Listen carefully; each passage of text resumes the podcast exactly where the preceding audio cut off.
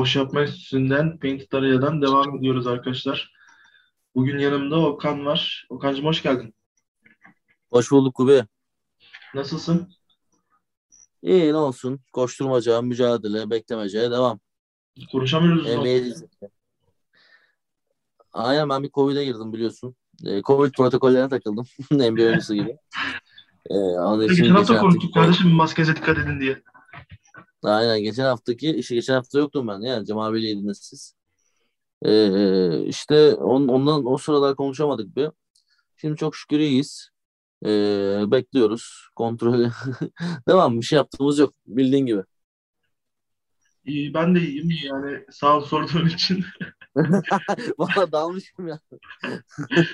Ben de iyiyim. Teşekkür ederim Okan'cığım. Ee, bomba gibi NBA'yi devam ediyor. İşte izliyoruz, şaşırıyoruz. Ee, mutlu olduğumuz haberler, üzüldüğümüz haberler gelmeye devam ediyor. Hı hı. aslında fazla bekletmeden aslında bizim için e, yani NBA için gündemin en belirleyici olayından bahsederek girmek istiyoruz. All-Star'ın ilk oynaması açıklandı. Evet. All-Star'ın ilk bölüm beni hiç şaşırtmadı. Hani şöyle hemen takipçilerimiz için paylaşalım. All-Star oynamasında birincisi Stephen Curry oldu. Yani şu anda Batı'da e, birinci Stephen Curry ve e, oynama olarak Doğu'da birinci Kevin Durant. Batı'da ikinci Yani LeBron James. özür dilerim. Hak ettiğini buluyor galiba ya oynama. Yani şu an hiç şaşırmadığım bir şekilde gidiyor ama LeBron farkı kapatır mı? 500 bin falan bir fark var. Kapatabilir. İhtimal dahilinde en azından. Aynen öyle. Hemen şöyle hemen Batı Doğu diye sıralayayım öyle uzatmadan. Batı'da birinci Stephen Curry, ikinci LeBron James, üçüncü Jokic, dördüncü Paul George, beşinci Andrew Wiggins, altıncı Luka Doncic, yedinci Ja Morant diye devam ediyor böyle. E, Doğu'da da birinci Kevin Durant, ikinci Giannis Antetokounmpo, üçüncü DeMar DeRozan, dördüncü Joel Embiid, beşinci James Harden, altıncı Trae Young böyle devam ediyor. Zach Lavine de var tabii.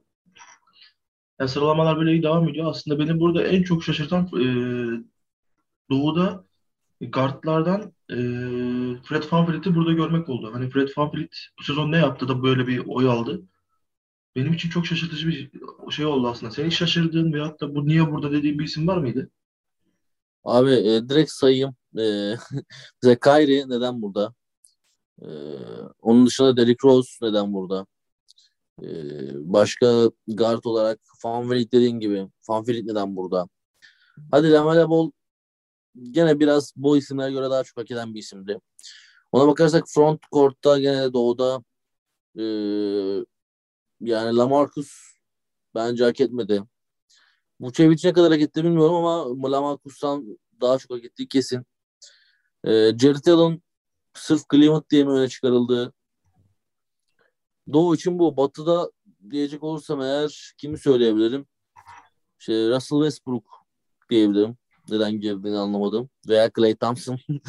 yani daha adam sahaya çıkmadı. O şeyde e, guardlarda dördüncü sırada Batı'da.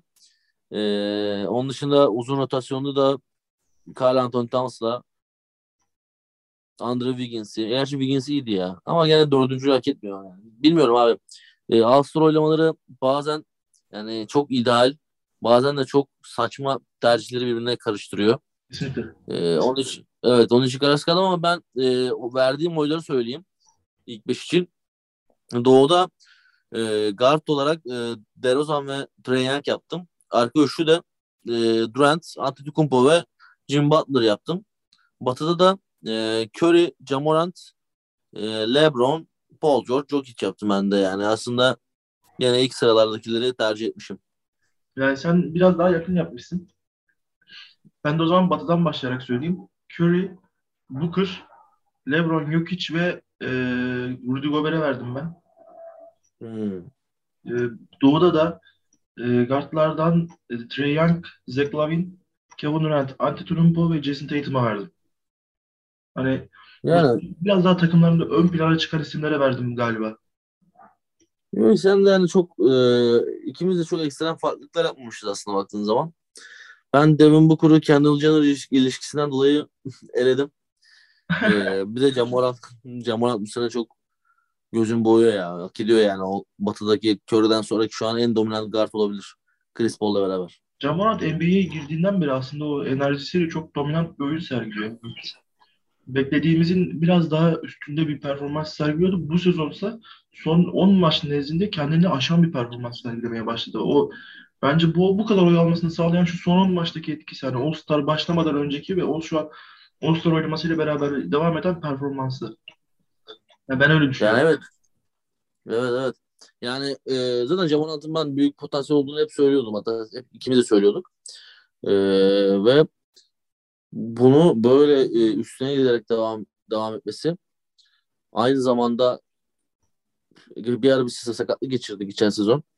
E, Memphis'i de yukarıya taşıması bana e, artı motivasyon katıyor onu desteklemek konusunda. Onun için bence e, nasıl Trenyak hak ettiyse, nasıl Doncic hak ettiyse Jomarant da bu şeye girmeli ya. Bir All-Star 5'ine bir giriş yapması lazım. Yani yeni nesil bir giriş yapması lazım gibi hissediyorum. Yani çok zor ama neden olmasın. Peki senin dikkatini çeken bir şey oldu mu All-Star oynamasında? Ben onu söyleyeceğim sana. Ne gibi hocam? Geçen sezon neden seçilmedi, neden Doncic'i seçtiler diye yeri göğü yönettiğimiz Lillard şu an 8. sırada abi. Yani o da guard, şeyde guardlarda 8. sırada. Ee, evet ama e, bence bu sezonda bunu hak ediyor. yani çünkü e, Lillard'ı çok beğeniyorum. Ben hastasıyım hatta. Ama bu sezon hiçbir şey veremedi yani. Yani hepimiz farkındayız. Biz geçen sezon burada ortalığı inlettik. Neden Lillard yok, neden Doncic var diye. Bu sezon 8. sırada abi. Yani müthiş bir şey. müthiş bir düşüş aslında bu Lillard için. Yani oyununu iyi oynamadığı zaman ne kadar tepki alabileceğini gö- gösteren mükemmel bir fırsattı bu. Bunu da geldi gerçekleştirdiler diyeceğim. E, ben de kendi yorumumu yapacağım ufaktan. Ondan sonra da bu sıralamayı kapatalım. Biliyorsun NBA'de e, All-Star değiştiğinden beri All-Star seçimleri değiştiğinden beri Batı Doğu diye bir seçim kalmadı artık. E, en çok oy alan ilk seçiyor. Batı'dan ilk seçiyor. Doğu'dan da bir isim seçebilir. Doğu'dan ilk seçen Batı'dan da bir isim seçebiliyor. E, o yüzden bu sıralamaları değiştirecek olan şey bence Doğu'nun artık kazanmasını sağlayacak olan şey Antetokounmpo'nun sonunda çok şükür birinci olmaması. Hani o saçma sapan Afrika kadrolarını kurması, kardeş seçimi sürekli e, işte Bledsoe'yu falan yanına çekmesi. Olmaz. Aynen. Kevin, Kevin Durant'in mantıklı seçimler yapabileceğini düşünüyorum. O yüzden Doğu'yu ben bu sezon bir tık daha şanslı görüyorum. O da Kevin Durant, Kevin Durant yüzünden. Ee, öyle ama bir de şöyle bir şey de var ya. Ee, nasıl desem biraz da All-Star'ı ne kadar ciddiye aldı dönemde o kadroları kurarken. Ben ona da çok tilt oluyorum. Hani bazen böyle ciddiye almıyorlar ya. Ona tilt oluyorum. İnşallah ciddiye alırlar. İnşallah. Yani LeBron'un kurduğu gibi kadrolar kurmaları lazım. E, LeBron bazen çok hırs yapıyor ya. Abi LeBron kulasını oynasın, kulasına kazanır. Evet ama bazen normal sezon maçı da sahaya bile çıkmayabilir yani. Normal sezonda kendini yormaz abi ama playofflarda yine çıkar bir şeyler yapar herhalde. Deyip evet.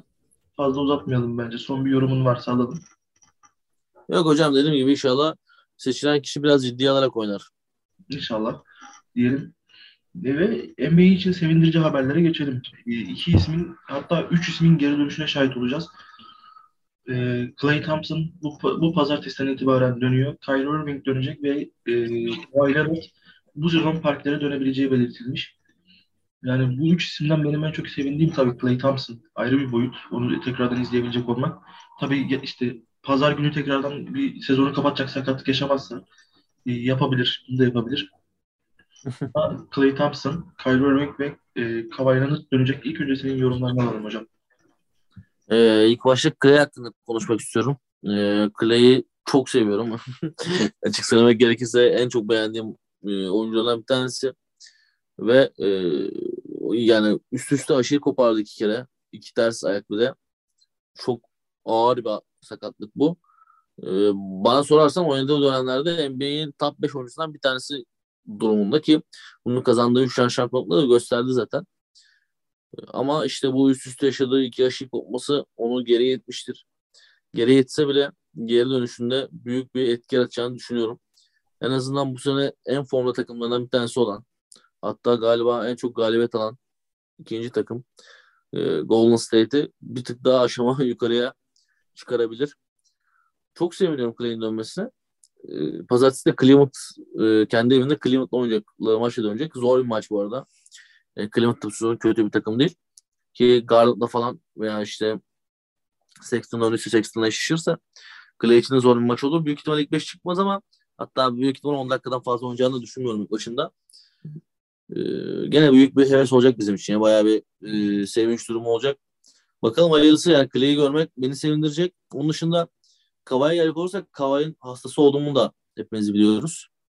Ama e, Kavai playoff'tan sonra bir kararma olduğuna girdi. Yani kendi kendine takımdan ayrılsam mı ayrılmasam mı? Onun bazen ne kadar disiplinli bir adam olsa bile ikilemde kaldığı durumlar var. Bu sakatlığın uzamasının sebeplerinden bir tanesi, bir tanesi de bence bu. Ee, bunun üstesinden gelip eğer sahaya dönecekse çok büyük etki yaratır. Clippers da bu sene Paul George üzerinden e, kötü bir sezon geçirmiyor. E, belki geçen sezondan bir tık daha kötü ama gene iyiler. Kavai'nin dönüşüyle beraber gene hem NBA'ye renk katılmış olur hem de e, müthiş bir etki yaratmış olur yani. Bir süperstar dönüyor sonuç olarak. Kyrie'ye gelecek olursak da şunu söyleyebilirim. E, Kyrie çok problemli bir adam. Ya şu an dönmüş olması tekrar geri gidecek olması e, anlamına yani geri gelecek olmaması anlamına gelmiyor. Ve e, Kyrie ne kadar elastik olsa da artık ona karşı böyle bir sempati duymuyorum yani. Hatta empati duyuyorum. İnşallah adam akıllı e, saf bir zihniyetle dönebilir. Öyle olacağını sanmıyorum ama dönerse de ya bence Kyrie basketbolu bırakmalı bana sorarsan. Oh, Bu zihniyetle profesyonel basketbol olmaz abi. Çok ağır konuştun Kyrie hakkında ya. Abi hak ediyor. Hak ediyor da basketbolu bırakmadı falan ne yapacak? E, Alaska'ya yerleşip kendi vahşi yaşam hayatını mı kuracak? Ne yapacak adam abi? E, benim yorumlarıma gelecek olursak da Clay'i özledik. Bu 2-2-4. Yani iki sezondur yok. İki sezondur Golden State onun olmadığı için çalkantılı gidiyor. Bir kere Clay bence iki yönünde çok iyi oynayabilen NBA'de şu an top 5 oyuncudan biri. Yani iki savunması harika. Adam tuttu mu kilitler. Hücumda şey, zaten şutlarını konuşmaya gerek yok. İçeri devrilmeleri falan yani e, oyunun iki yönünü en iyi oynayan 5 oyuncudan biri. Tabii bu sakatlıktan öncesi için geçerliydi. Sakatlıktan sonra nasıl dönecek, nasıl bir form durumu olacak, kaç maçta form tutacak, ne yapacak bu formu tutturmak için antrenmanlarını eksiltecek mi şu bu bu bir sürü etken var. Hani moral olarak nasıl gelecek? Ama Clay'i özledik. Bu yani 2-2-4 bir durum. Clay de eğer bize eski Clay gibi gelirse tadından yenmez. Ee, senin ne kadar büyük bir Kawhi Leonard hayran olduğunu zaten konuşmamıza gerek yok. Toronto şampiyon olduğunda az kalsın burada Toronto şampiyonluğu için kutlama yapacaktın. Onu da hatırlıyoruz. Evet. Ee, Toronto'nun... Peki daha da konvoya çıktım ben. yani, Toronto Parti falan yapacaktın. Ee, o yüzden konu konuşmaya bile gerek gerek bile yok ama yani Kawhi Leonard'ın da bu playoff işte en son playoff katliamından sonra nasıl döndüğü, nasıl döneceği işte şu bu onun da kafasında binlerce soru şart var. Takaslanacak falan şu şu dediler, bu dediler. E, o bence Kavaylan'ın benim kafamda hala soru işareti. Çok iyi bir oyuncu. Ona bir şeyimiz yok. İtirazımız yok ama Kavaylan'ın da nasıl döneceği bence bir soru işareti. E, Kyrie Irving de abi basketbolu bırakmasın da hani şey lazımdır ya bazen hani saçmalarsın saçmalarsın saçmalarsın biri gelip sana sağlam bir yumruk atar. Ondan sonra dersin ki lan ben ne yapıyorum? artık bu görevi Durant mı üstlen yoksa James Harden mı? Yani işte ben Joe Harris'e bile razıyım. Birisi gelsin buna bir sağlam bir yumruk atsın da bu bir desin ki ben ne yapmaya çalışıyorum. Ondan sonra da e, Kyrie Irving'i, gerçek Kyrie Irving'i izlemeye devam edelim diyorum. E, üç isminde dönmesi NBA adına, NBA reklamlar adına müthiş bir durum. E, üç ismin de sağlıklı dönmesi lazım ama e, senin de senin dediğine katılıyorum. Clay'i maksimum 10 dakika görürüz bu maçta. Kyrie Irving de Kawhi Leonard ne zaman dönecek o belli değil. Yani bu sezon Parker'e dönebilecek ama ne zaman dönecek belli değil. E, Kyrie Irving'in de kafa mentor olarak sağlam dönmesi lazım. Kyrie'nin e, bir şey olarak sağlıklı dönmesi imkansız bence. yani evet deli bir adam. Yani psikoloji olarak sağlam bir adam değil ama mental olarak sağlıklı dönerse çok büyük işler konuşabiliriz Kyrie hakkında. Deyip İnşallah döner de izleriz abi? İnşallah, inşallah deyip Ee, fazla uzatmadan konuyu hemen iki tane performansa getireceğim. Oradan ondan sonra da ufak bir e, gurur duyup ondan sonra bu bölümü kapatacağız zaten. Abi e, Evan Fournier 41 attı. Yani Ama ne 41 yani. ama ne 41. Yani önce eski takımı Boston Celtics'e karşı %60'la attı. 14 üçlük denedi. Onun da isabet buldu. Yani 41 sayının 30'u üçlükten geldi. Ee, 8 rebound, 8, 8 tane rebound aldı abi. Müthiş bir performans sergiledi. Maçı izledim mi bilmiyorum ama ben maçı izledim. Abi ağzım açık izledim ya. Evan Fournier. Ya, en son şeyde 9. üçlükte şey yaptım. Ha siktir lan bu da girmesin dedim. O da girdi. hani böyle Evan Fournier'i durdurana aşk olsun dediler o maçta. Ya abi e, Evan Fournier'i ben sevdiğim hocalardan bir tanesi dahadır kendisi. Bir skorer, takım oyuncusu. Ve bence New York e, hani sezon başında da konuşmuştuk. Hatta e, sezon içindeki bazı programlarımızda konuştuk. konuştuk. Hani üstüne gide koya koya ilerleyen bir takım olduğunu. E, ve bu seneki kadrosunu beğendiğimi e, ne kadar Kemba'nın inişi çıkışı olsa bile onsuz da bir şeyler yapabildiklerini konuşmuştuk. Fournier'da bu şey Randall'ın R.J. Barrett üstündeki yükü alabilecek adamlardan bir tanesiydi. Ve aldı da. E, bu sezon bence çok iniş çıkışı performans sergilemiyor yani. Belli bir ritmi var. İşte genel kenardan gelen Isaiah Quickly, işte Taj Gibson gibi, işte Knox gibi, ne bileyim Obi Toppin gibi adamlar dışında e, skor yüküne de destek çıkıyor. Özellikle bu dönemde işte hem Kemba hem Rose yokken e, veya işte Arsidiano yokken kısa rotasyonda çok önemli bir silah oldu ve Boston'da Boston'a karşı da bir kini var bence Evan Fournier'ın. Ve bu kine de karşılık veriyor. E, ben sevmedim açık söylemek gerekirse bu bu performanstan. Yani uzun zamandır bu kadar yüzdeli, bu kadar yüksek bir sayı performansı görmemiştik. Genelde böyle gördüğümüz yüksek sayılar da yüzdeler düşük olurdu ama e, 13'te 10'du galiba ya da 14'te 10 üçlük atarak 14 14'te 10 aynen üçlük atarak bu e, skoru bulabilmek muazzam bir şey. E, tebrik ediyorum yani. Fournier'dan daha, daha böyle elit performanslar bekliyorum. Abi ben maç izlerken dedim ya ağzım açık kaldı böyle ya. dedim ya diyorum 9. üçlükte dedim ya bir git artık Allah size o da girmesin dedim. Sonra bir baktım o da girdi. Herkes taraftarlar falan herkes ayağa kalkıyor Madison Square Garden'da. Ya, tabii Fournier müthiş bir maç çıkardı ama Fournier'in yanında da abi bir tane adam da müthiş bir maç kazandıran basket attı. Yani R.J. Barrett aldı topu imkansız denilen yerden topu dönerek üçlüyü bıraktı ve maçı kazandırdı. Yani o üçlük esnasında ben sanmıyorum ki izlerken aklını kaybetmeyen yoktur. Özellikle Boston şimdi Ozan burada olsa biraz dalga geçerdim de Ozan yok. Aynen. Boston taraftarları delirmiştir. Yani ben öyle düşünüyorum en azından. Çok iyi üçlük. Ya bir temiz üçlük ya. Böyle yani e, yorucu bir R.J. Barrett zaten e, hani hep şut konusunda şey olan bir adam. E, göz üstünde olan bir adam. Şöyle hani o yeni nesil süperstarlara uygun değil. Şut ritmi çok düşük.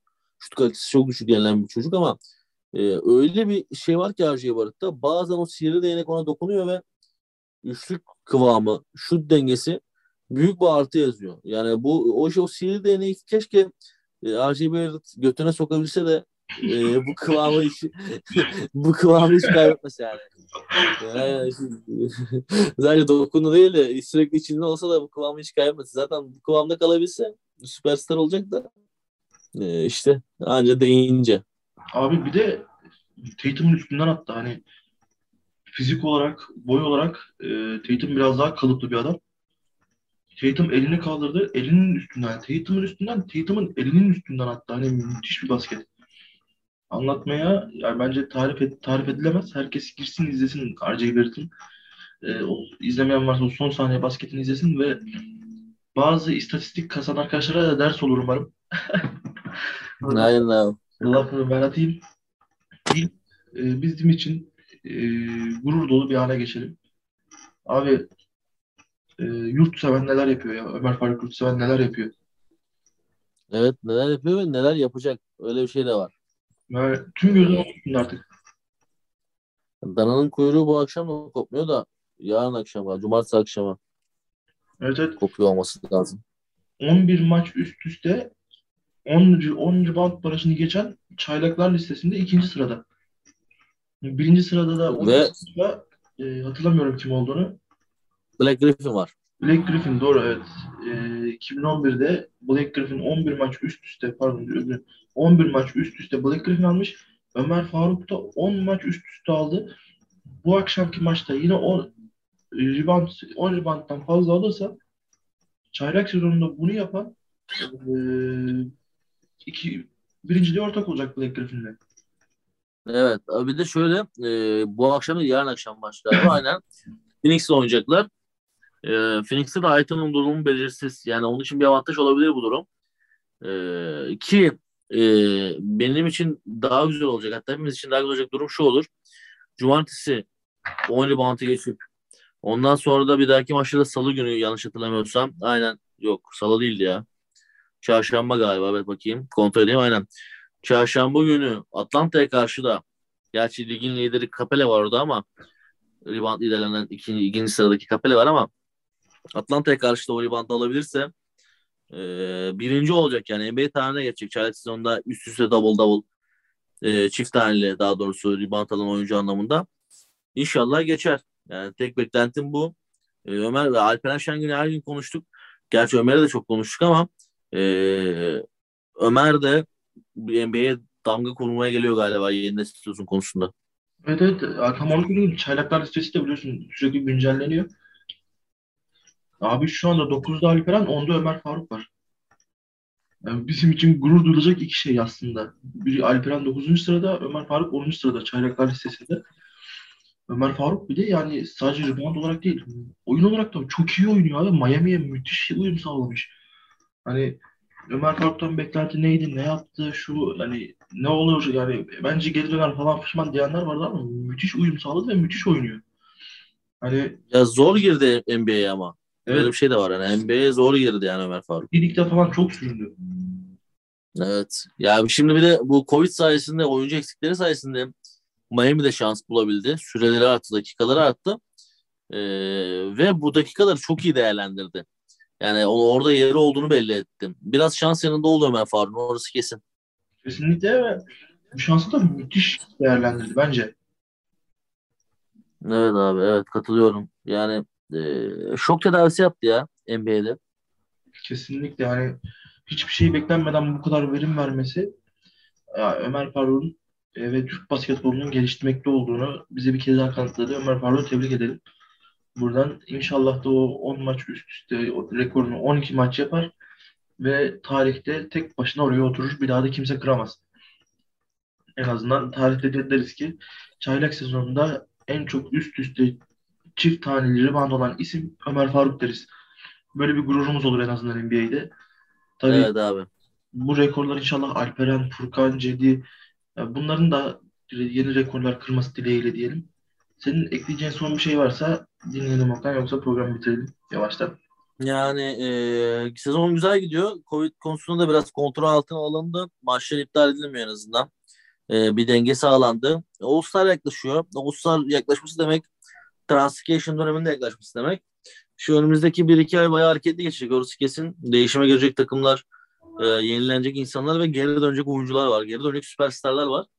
E, çok ekleyeceğim bir şey yok. Sadece heyecanla e, bekliyorum.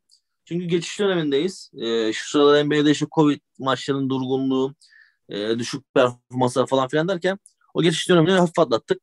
E, dediğim gibi bundan sonraki iki ay yoğun geçer. Bundan sonra da bir playoff'a giriş mücadelesi başlar diye düşünüyorum.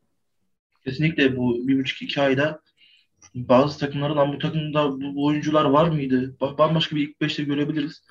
Önümüzdeki bu bir, buçuk iki ay çok önemli. Ee, diyelim. Ben de yavaştan programı bitireyim o zaman. Bizi dinlediğiniz için teşekkür ederiz. Boş yapma enstitüsünden Painted Area'dan ayrılmayın.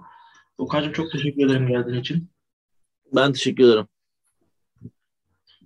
Kendinize iyi bakın. Sağlıcakla kalın. Aşınızı olun. Hatırlatma dozunuz da olun artık. Üçüncü dozu olun diyelim. Ee, görüşmek üzere.